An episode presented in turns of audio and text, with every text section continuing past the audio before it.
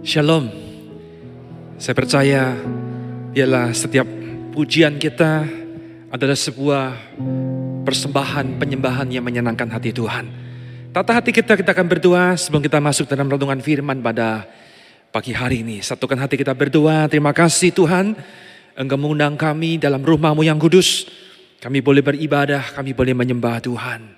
Biarlah hati yang terangkat, yang terfokus adalah hati yang kami persembahkan kepada Tuhan dalam ibadah ini. Tuhan menikmati setiap penyembahan kami. Seperti rupa yang harum, yang menyenangkan hati Tuhan. Bukan hanya bibir yang bernyanyi, tetapi hidup yang berkenan di hadapan Tuhan. Bapak Surgawi, kami merendahkan hati kami, kami mau membuka kitab suci, belajar seperti seorang murid. Tuhan celikan mata rohani kami, Tuhan berikan kami penglihatan-penglihatan rohani untuk kami boleh mengerti kehendak Tuhan, panggilan Tuhan, khususnya dalam kami hidup bergereja, berkomunitas, bersekutu sebagai orang-orang percaya. Terpuji namamu kami siap menyambut firman, karena hanya dalam nama Tuhan Yesus, firman yang hidup, kami semua berdoa. Amin. Baik, gereja mengangkat sebuah tema hari ini adalah hidup sebagai persekutuan, hidup sebagai satu komunitas yang luar biasa. Saudaraku, saya mendengar ada banyak anggota jemaat berkeluh kesah, tentu bukan jemaat kesuntar, saudaraku. Mereka mengatakan, aduh gereja saya itu kering, gereja saya persekutuannya itu dingin, orangnya kaku, orangnya aduh gak nyaman sekali. Nah, kemudian mereka mengatakan, saya mau pindah gereja. Di gereja yang lain sangat hangat, lebih menyenangkan. Nah saudara-saudara sekalian saya berpikir apa sih? Bagaimana sih persekutuan yang Tuhan inginkan dalam sebuah gereja? Seperti apa? Saya tidak akan menilai, menghakimi gereja yang dikatakan dingin, atau gereja kemudian terlalu hangat. Tetapi kita mau belajar dari firman Tuhan. Seperti apa sih komunitas orang-orang percaya yang dirancang, yang didesain oleh Allah. Di mana kita berbagian di dalamnya. Nah, saya akan mengawali khotbah ini dengan sebuah konsep tentang komunitas, tentang community, community, saudara. Saya kira ini tema yang besar, tema yang penting sekali. Sebelum sudah akan terdistorsi dengan konsep-konsep dunia, karena kita tahu bahwa komunitas adalah hal yang ada di sekitar kita. Anda lihat di luar itu ada komunitas orang-orang motor gede, betul? Ada yang hobi moge di sini? Tidak ada? Ada yang punya komunitas, misalnya uh, ibu-ibu, komunitas pakai handbag dengan merek tertentu. Ada di sini yang ikut? Wah, tuh itu hurufnya tuh huruf H begitu ya. Wah, sabuknya H begitu loh. Ah, itu komunitas tertentu saudaraku. Saya kira banyak, sangat banyak sekali di dalam tengah-tengah dunia ini. Lalu apa perbedaan dengan komunitas orang-orang beriman? Komunitas rohani yang Tuhan hadirkan. Khususnya dalam gereja. Nah, kita mau belajar bersama-sama. Saya mengawali dengan sebuah konsep bahwa ternyata komunitas itu dimulai dari Allah sendiri. Saya ulang kalimat saya. Allah adalah Allah, kita adalah Allah yang berkomunitas. Kita kenal dalam kitab suci, Allah dalam kekristenan adalah Allah Bapa, Putra, dan Roh Kudus. Yang kita kenal dengan istilah namanya Tritunggal, Trinity.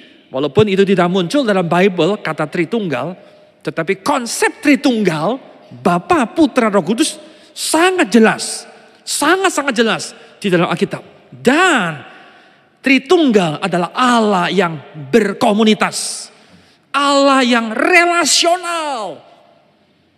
Di antara pribadi mereka saling menghormati, mereka saling memuliakan, saling mengasihi, saling menjunjung, saling memuliakan.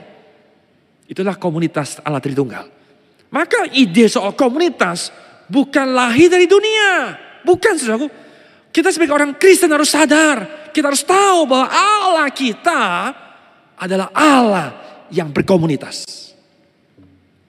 Yang kedua, setelah kita tahu bahwa Allah adalah Allah yang berkomunitas. Kejadian pasal satu, kita membaca Allah Tritunggal yang plural mengatakan baiklah kita Jelas sekali ya, kata kita menunjuk kepada plural. Bukan satu orang, satu pribadi, tapi lebih. Itu adalah Tritunggal, Bapa, Anak, Roh Kudus. Dan kemudian yang kedua saya menemukan bahwa Allah Tritunggal, Allah yang relasional itu bukan hanya relasi dalam dirinya. Tetapi adalah Allah yang kemudian ingin berelasi dengan ciptaannya, khususnya manusia yang mempunyai gambar dan rupa dirinya. Maka saya berimajinasi ketika membaca kita kejadian, setelah Allah menciptakan Adam, maka Allah itu sangat rindu untuk berelasi dengan Adam. Nah, maka saya membayangkan setiap pagi, maka Allah Allah hadir, Allah menghampiri Adam. Kemudian mereka bercerang, bercengkrama. Mereka kemudian mungkin kopi bersama. Begitu ya satu relasi yang begitu luar biasa. Sore-sore hari Tuhan ajak Adam, yuk kita jalan-jalan ke dalam taman ini. Mereka berputar, mereka mengelilingi taman Eden. Anda lihat, satu relasi yang begitu indah sekali. Satu relasi yang tidak pernah terjadi. Keduanya menikmati antara pencipta dan ciptaan. Tetapi sudah sekalian, di tengah-tengah situasi yang sangat indah itu, tiba-tiba, tiba-tiba, kita dikejutkan ketika membaca pasal 2 ayat 18 kitab kejadian. Tuhan Allah berfirman, tidak baik kalau manusia itu seorang diri saja. Wow. Sudah tiba-tiba sesuatu berubah. Pada awalnya relasi antara Tuhan dengan dengan ciptaannya yaitu Adam ada relasi yang klimaks, relasi yang harmoni. Tapi tiba-tiba kemudian seolah-olah seolah-olah Allah berubah setting, seolah-olah Allah mengatakan tidak baik kalau kamu seorang diri saja. Maka seolah-olah Tuhan ngomong gini sama Adam. Adam, memang kamu sama aku punya relasi yang bagus. Kita bersama-sama, kita selalu menikmati kebersamaan. Tapi, tapi, Tuhan katakan, ini bukan desainku, kata Tuhan. Karena aku Allah adalah Allah yang berkomunitas, Allah yang relasional. Maka aku ingin engkau pun adalah manusia yang relasional. Maka kalimat seterusnya di ayat 18, setelah Allah mengatakan tidak baik kamu seorang diri saja. Aku akan memberikan seorang penolong yang sepadan. Maka berikutnya kita menemukan bahwa Allah yang relasional itu adalah Allah yang ingin berrelasi dengan manusia. Dan Allah pun mendesain manusia yang adalah ciptaannya ini sebagai makhluk yang relasional juga. Maka jelas sekali konsep ini harus kita pahami sebagai orang-orang Kristen Bapak Ibu sekalian. Tuhan mendesain saudara dan saya sebagai ciptaan, sebagai makhluk yang berelasi dengan Allah sekaligus dengan sesama. Yang setuju katakan amin? Gak ada suara? Amin. Ya saudaraku, mari kita sadar. Aspek vertikal satu hal. Tidak boleh dipungkiri. Hubungan antara kita dengan pencipta harus terjadi. Tapi jangan berhenti di sana. Bukankah Allah dalam memperlihatkan. Sekalipun Adam punya relasi dengan Allah sang pencipta sangat baik. Tapi Tuhan mengatakan tidak baik itu. Artinya apa? Aspek atau sisi horizontal harus terjadi. Itu sebabnya dalam gereja jangan berpikir, sudahlah musuh Gak usahlah panggil-panggil saya undang ke dalam komisi, dalam persekutuan, ikut kelompok kecil. Sudahlah ribet. Yang penting ya, yang penting ya. Saya datang ke gereja setiap hari minggu. Saya beri persembahan perpuluhan. Cukup. Yang penting kan saya dengan Tuhan beres. Oh, saya kira bukan desain Tuhan Bapak Ibu sekalian. Tuhan tidak pernah mendesain Anda sebagai makhluk yang individualis. Yang hanya mengklaim dirimu dengan Tuhan. Kemudian berhenti. Tidak saudaraku. Allah ingin hubunganmu dengan Allah yang terajut dengan sempurna. Pada akhirnya dihadirkan dalam hubungan dengan saudara seiman. Itulah komunitas. Maka John Calvin mengatakan ayat tadi yang saya telah singgung dalam pasal 218 kejadian. Ayat itu bukan hanya ditujukan tentang tujuan pernikahan. Kita sering kali membaca, mendengar khotbah pernikahan dari ayat itu bukan? Tetapi Calvin mengatakan ayat itu pun berbicara tentang apa? Tujuan komunitas Kristen. Tujuan di dalam sebuah persekutuan. Nah setelah jelas dengan konsep ini kita sama-sama tahu, oh betul lah. Bahwa Allah mendesain saya sebagai makhluk yang harusnya mencari Tuhan dan sesama. Lalu pertanyaannya, seperti apa komunitas persekutuan orang-orang percaya yang harusnya kita hidupi, yang harusnya kita jalankan di tengah-tengah gereja, di tengah-tengah dunia ini. Saya mengajak Bapak Ibu sekalian melihat sebuah kehidupan gereja yang terekam dalam kisah para rasul. Sebuah gereja yang fenomenal, sebuah gereja yang menjadi tolok ukur sepanjang zaman.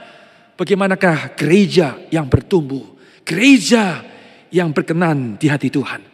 Saya mengajak Bapak Ibu melihat sama-sama kisah Rasul pasal yang kedua ayat yang ke-42. Kita akan merentungkan satu ayat ini saja. Kisah Rasul pasal yang kedua ayat yang ke-42. Jikalau menemukan ayat ini saya suka, saya mengundang Bapak Ibu untuk membaca bersama-sama satu bagian firman Tuhan yang pendek ini.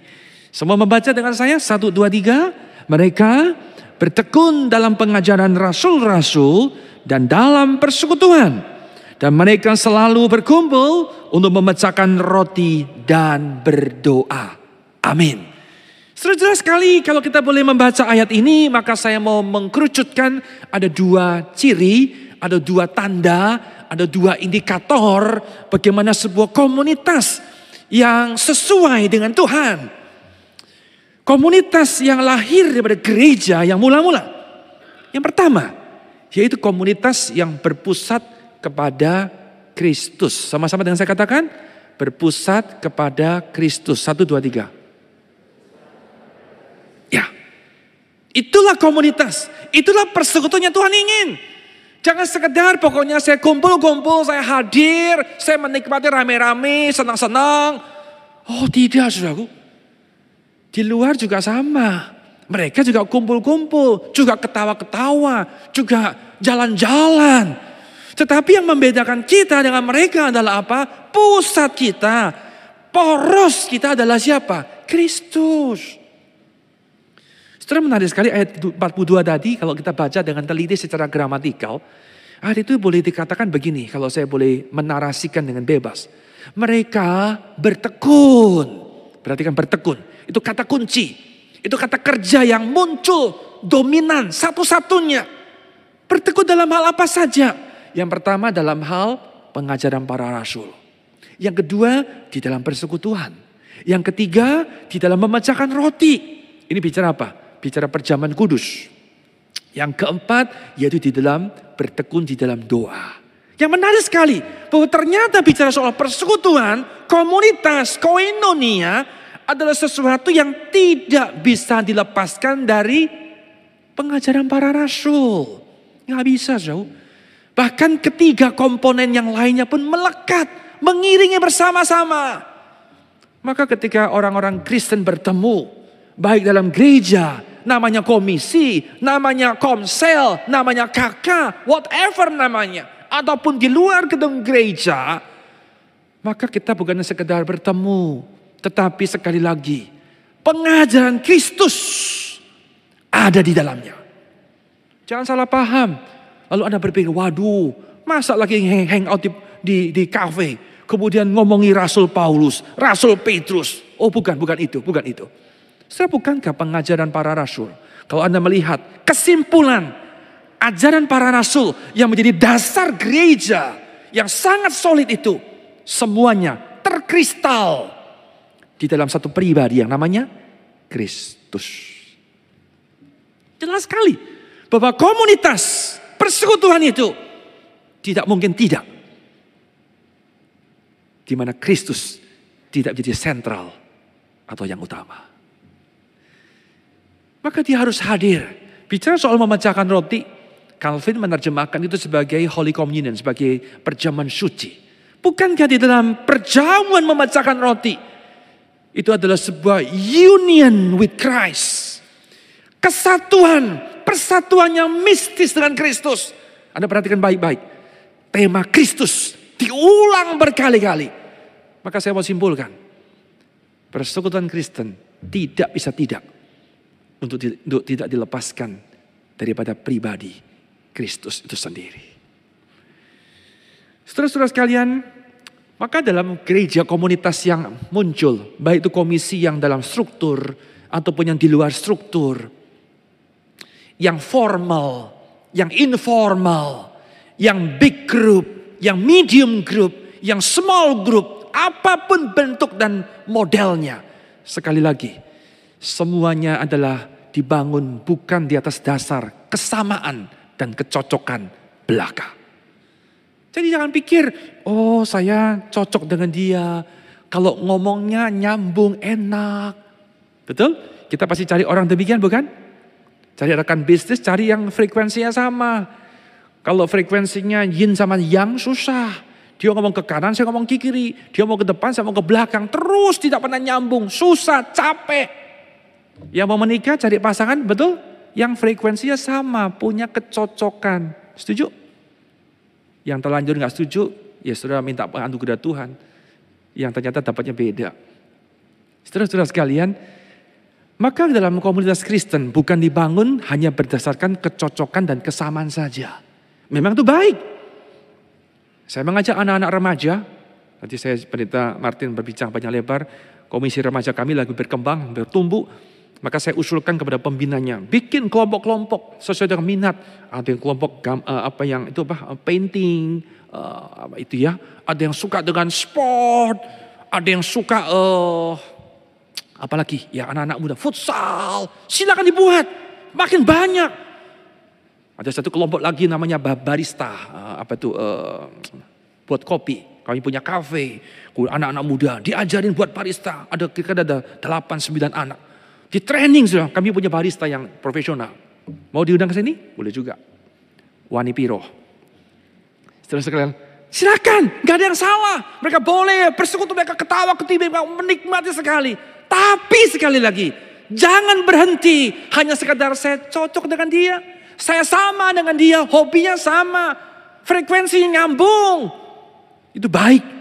Tetapi sekali lagi, ada one step yang kita tempuh dalam komunitas Kristen. Seharusnya kelompok itu punya kesadaran akan kehadiran Kristus. Amin. Itu saudaraku. Maka saya berdoa bila gereja ini adalah gereja yang sungguh-sungguh menyadari kehadiran Kristus. Ketika kita beribadah bersama-sama secara formal dalam gedung gereja ini. Ataupun ketika setelah ibadah kemudian mulai bertemu kelompok masing-masing. Mungkin di restoran. Di mana pun silakan. Apa pun kamu perbincangkan. Boleh ketawa. Boleh bersenang-senang. Tapi sekali lagi, porosnya, senternya, siapa itu? Kristus di sana. Itulah komunitas yang Tuhan inginkan.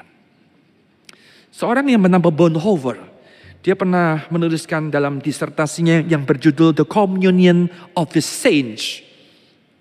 Boleh dikeluarkan tulisan Bonhoeffer, dia mengatakan Kristus adalah pengantara kita dengan Allah maupun dengan sesama. Wow, ini kalimat yang pendek tetapi punya muatan yang sangat dalam sekali. Izinkan saya akan menggambarkan untuk memudahkan dengan sebuah gambar seperti apa sih konsep yang Bonhoeffer tuliskan. Perhatikan gambar yang samping kiri. Allah di atas, kemudian saya di bawah. Di tengah-tengahnya siapa? Kristus. Kalau kita boleh datang beribadah pada Tuhan pada hari ini, jelas sadar baik-baik. Kristuslah mediator kita. Pengantar kita siapa? Kristus.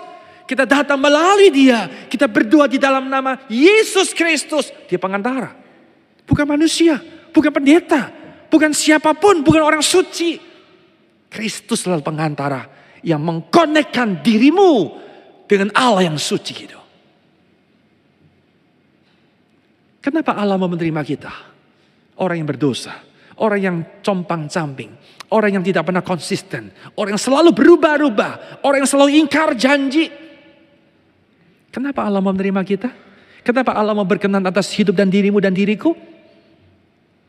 Satu kali jawabannya, karena Kristus. Kalau Allah lihat manusia berdosa, bawaannya apa, Bro? Bawaannya marah, murka, neraka yang muncul dalam image Allah. Kenapa? Dosa besar, mengerikan. Dia suci, tidak mungkin tahan lihat dosa. Tapi kenapa Tuhan kemudian mengalihkan murkanya? Seolah-olah murkanya surut. Allah yang gracious. Penuh kasih kepada kita. Kenapa saudaraku? Ingat. Bukan karena dirimu dan diriku yang baik. Bukan karena dirimu dan diriku yang ngaku dosa tiap minggu berdosa. Tuhan ampuni dosa saya. Lalu Tuhan tergerak mengampuni dosamu. Bukan itu sudah sekalian. Apa yang membuat Allah berkenan atas hidupmu? Sekali lagi, Kristus. Maka kalau nggak ada Tuhan Yesus yang terpaku di atas kayu salib. Wow, saya kira engkau dan aku adalah orang yang paling celaka dalam dunia ini. Kita adalah orang yang hidup di dalam uh, uh, ancaman, ketakutan, ketidakpastian. Karena murka Allah datang seketika. Tapi sekali lagi, karena Kristus pengantara yang mendamaikan, yang mengkonekkan kita dengan Allah yang kudus. Tetapi yang kedua, gambar yang samping kanan Anda lihat bahwa ternyata relasi kita dengan Allah yang dikonekkan dengan Kristus. Sekarang relasi kita dengan sesama kita, sesama saudara iman pun di dalamnya ada Kristus di sana. Kalau saya bisa berhubungan dengan seseorang, bisa berrelasi dengan seseorang, saya kemudian bermain dengan dia, saya dalam satu kelompok dengan dia. Sadar baik-baik, karena Kristus. Bukan karena saya mau dengan dia. Halo, saya ulang kalimat saya. Anda dalam ikut sebuah komisi. Tadi pagi saya membacakan ayat Anda baca di rumah saja. Saya, dengar, eh, saya tinggalkan satu ayat karena waktu. 1 Korintus pasal 1 ayat 9. Saya bacakan ayat mengatakan Allah yang memanggil kamu masuk dalam persekutuan dalam koinonia. Saudaraku Allah yang memanggil. Bukan karena saya mau dengan dia. Bukan karena dia mau dengan saya. Tidak saudaraku. Tapi Allah yang mengundang. Allah yang memanggil. Perhatikan. Maka dengan kata lain hubungan saya dengan sesama. Ada Kristus yang menjadi sentral di dalamnya. Oleh karena itu kalau sudah bertemu dengan satu kelompok bertemu dengan orang yang sulit, dengan orang yang waduh ini orang susah sekali. Saudaraku sadari baik-baik. Ini bukan urusanmu dengan dia. Bukan saudaraku. Tetapi sadari ada Tuhan di sana. Maka apa pun yang kamu lakukan dengan orang tersebut. Sekalipun adalah orang yang sulit, orang yang gak mudah, orang yang menyakitkan hatimu. Datang kepada Allah, sang pengantara itu. Bertanya Tuhan, kenapa engkau memberikan orang yang seperti itu dalam hidupku, dalam komunitas? Satu kali, satu kalimat penting saya tinggalkan, bangunlah kesadaran akan kehadiran Kristus dalam komunitas kita. Setelahku satu-satunya cara menghancurkan persekutuan Kristen adalah silakan berfokus kepada persekutuan itu sendiri. Halo, saya ulang kalimat saya. Ayo dibuka matanya mulai bangun berpikir lagi. Jam-jam sini mulai ngantuk ini ya. Saya ulang ya, satu-satunya cara menghancurkan komunitas yang godly, yang Allah desain adalah apa? Silakan Anda berfokus kepada persekutuan itu sendiri. Sehingga Kristus kemudian mulai kita tinggalkan. Tangkap poin ini? Dengan kata lain. Ketika engkau sadar Kristus lebih besar daripada persekutuan itu. Itulah persekutuan yang berkenan di hadapan Tuhan.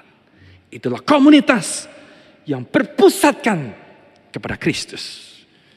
Saudara jangan salah paham, jangan salah tangkap. Kemudian berpikir, waduh ini komunitas berpusat Kristus. Berarti apa pun harus Kristus, apa pun Kristus. Emang makan harus ngomong Kristus. Emang kalau jalan-jalan harus Kristus? Emang mau berenang ngomong Kristus? Oh bukan itu, bukan itu saudara. Bukan. Saya tidak mengajarkan saudara menjadi orang Kristen yang lahiriah. Yang menekankan outward religion. Wah seolah-olah saleh, pakai kalung salib yang besar. Tuliskan Jesus Christ. No, bukan itu. Tetapi sebuah awareness. Sebuah kesadaran di dalam komunitas dalam komunitas kita. Kristus ada di sana. Ini yang pertama, yang pertama.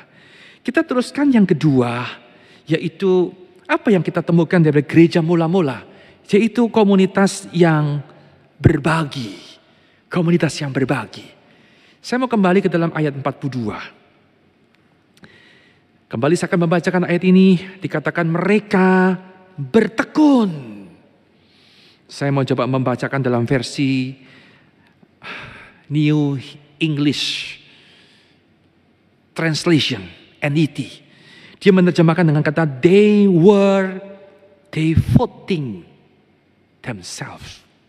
Mereka mendedikasikan. Wow. Kata bertekun lebih lebih agak beda artinya ya. Bertekun seolah-olah ya, ya udah tekun begini. Oh bukan, bukan ke sana. Memang ada ketekunannya. Tetapi mereka itu mendedikasikan. Mereka itu membaktikan diri. Mereka me me menyerahkan diri. Tentu ada ketekunan di dalamnya. Apa yang mereka lakukan? Ketekunan dalam hal apa? Mendedikasikan dalam apa? Dalam hal persekutuan. Persekutuan. Nah tadi kita kita singgung poin satu. Persekutuan adalah sesuatu yang sifatnya kesadaran bahwa Kristus hadir di tengah-tengah mereka. Yang kedua, bukan hanya mereka uh, sadar Kristus hadir, tetapi kita tahu bahwa mereka kemudian kata persekutuan itu punya pengertian yaitu mengambil bagian. Mengambil bagian. Mereka berpartisipasi. Kalau Anda naik pesawat, duduk samping orang yang kita nggak kenal. Ya, kita bersama-sama dengan dia. Di tempat yang sama, destinasi yang sama. Pertanyaan saya, Anda punya kebersamaan dengan dia? Anda punya ikatan kebersamaan dengan dia? Pasti tidak. Betul? Itu artinya apa? Saudara tidak punya persekutuan di dalam pesawat itu. Silakan lihat kiri kanan, depan belakang. Sudah kenal orang itu?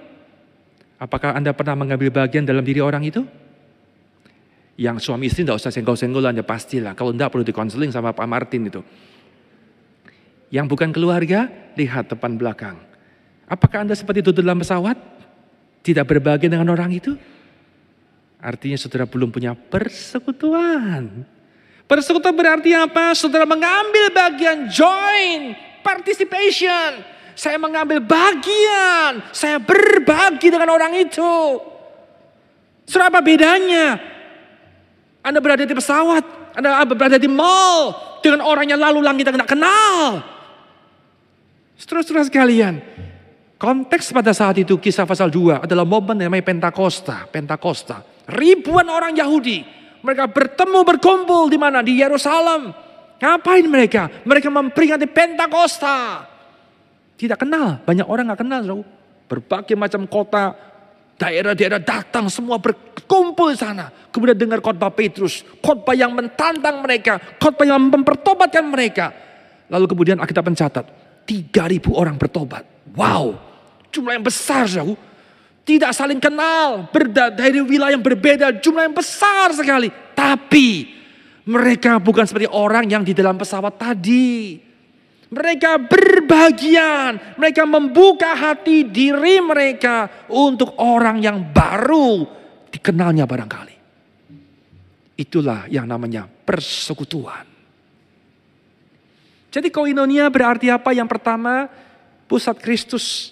Yang kedua, apa itu koinonia? Kamu membuka hati, kamu mau memberi diri, giving self. Ya, memberi diri, Bagaimana Anda bisa mengenal orang sampingmu kalau kamu menutup hati?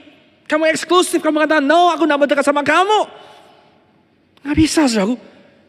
Kita membuka, beri ruang, space yang besar, kehadiran orang lain dalam hidup kita.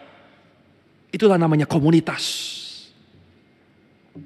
Berikutnya, ketika engkau membuka hati, membuka hidup, membuka diri untuk orang lain. Saya katakan besar kemungkinan ada sesuatu yang harus kamu keluarkan dalam hidupmu. Sekali lagi ya, ketika Anda memberi ruang kepada orang lain, silakan masuk dalam hidupku. Ada, aku mau berbagian dalam hidupmu. Maka saya katakan, saudara bersedialah untuk apa? Sacrifice. Gereja mula-mula tadi saya ceritakan, ribuan orang berkumpul dan sudah perlu tahu orang-orang Yahudi pada hari itu adalah orang-orang miskin. Orang-orang yang hidup di bawah tirani kemiskinan uh, pemerintah kaisar yang mengerikan. Mereka susah sekali, tekanan yang luar yang yang luar biasa. Dan kemudian banyak penasir mengatakan mereka belum sempat pulang ke daerah asalnya. Mereka masih stay lebih lama di Yerusalem. Saking kelamaan di sana, ya terlalu lama, kemudian dompet mereka mulai tipis. Mereka tidak mampu lagi punya tempat penginapan, beli makanan pun terbatas. Wow, apa yang terjadi? Di sanalah dicatat ayat 45. Maka kemudian ada orang-orang yang diberkati Tuhan. Ada orang-orang yang punya berkat lebih. Mereka menjual rumahnya. Tentu bukan tentu jangan pikir ini menjual rumah kemudian tidak punya rumah, bukan saudara. Ini adalah orang-orang yang punya rumah lebih, ya, punya aset lebih. Dia jual, kemudian dia bagikan. Dia berbagian. Pada prinsipnya poin ini berbicara apa? Berbicara ketika kita hidup dalam sebuah komunitas, mari kita belajar memberi belajar berbagian dalam hidup orang lain. Kita menguatkan orang-orang yang lemah. Kita menghibur mereka yang sedih. Kita membantu orang yang kekurangan. Termasuk kita mau menegur dalam kasih orang yang keliru. Orang yang salah.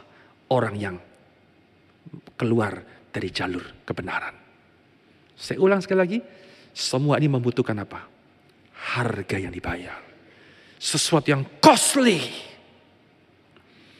Anda lihat bukan sekedar saya berbagi dengan uang, kasih kamu uang. No, no, no, bukan hanya itu, saudara. Ketika ada punya rekan dalam komunitas orang percaya, dan orang itu kemudian mulai keluar jalur, dia mulai jatuh dalam dosa, dia mulai melenceng hidupnya. Beranikah kau menegur dalam kasih? Kau mengatakan, brother, ayo kembali ke dalam jalan Tuhan. Itulah peran komunitas. Bagaimana kalau orang itu tersinggung? Kok dia marah? Emang lu siapa?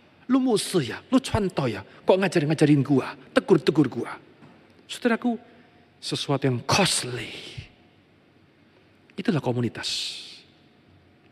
Jangan sedang ngumpul, pokoknya senang. Hahaha, senang dalam gereja. Saya mau katakan satu hal, poin terakhir. Jangan kasih waktu lagi ya. Saya takut sekali ada tulisan angka, aduh saya takut sekali itu. Setelah saya sadar bahwa ketika Anda berkomunitas, sangat mungkin sekali saudara akan menemukan pengalaman-pengalaman dilukai. Tahun lalu saya mengeksposisi tema besar Growing in, sorry dua tahun lalu. Growing in Community. Satu tahun saya mengekspos tema itu. Saya belajar di satu Yohanes dan kemudian dengan beberapa pendekatan yang lain. Salah satunya di dalam growing community itu ada yang namanya pain relational. Menyakitkan, saudara. Melukai. Ya, maka jangan pikir, wow enak-enak. Maka kita membutuhkan apa? Kehadiran Kristus. Itu tema utama, sentral sekali. Maka kita berani apa? Berbagi, self-giving, sekalipun costly. Kita berani lakukan. Saya berdoa supaya GKI Sunter menjadi gereja yang betul-betul bertumbuh di dalam komunitas.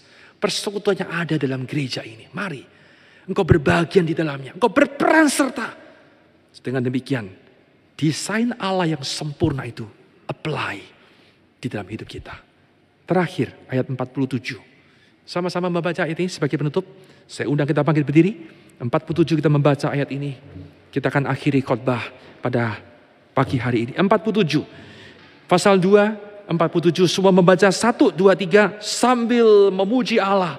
Dan mereka disukai semua orang. Dan tiap-tiap hari Tuhan menambah jumlah mereka dengan orang yang diselamatkan. Saudara sekalian, Luar biasa. Inilah komunitas seperti magnet.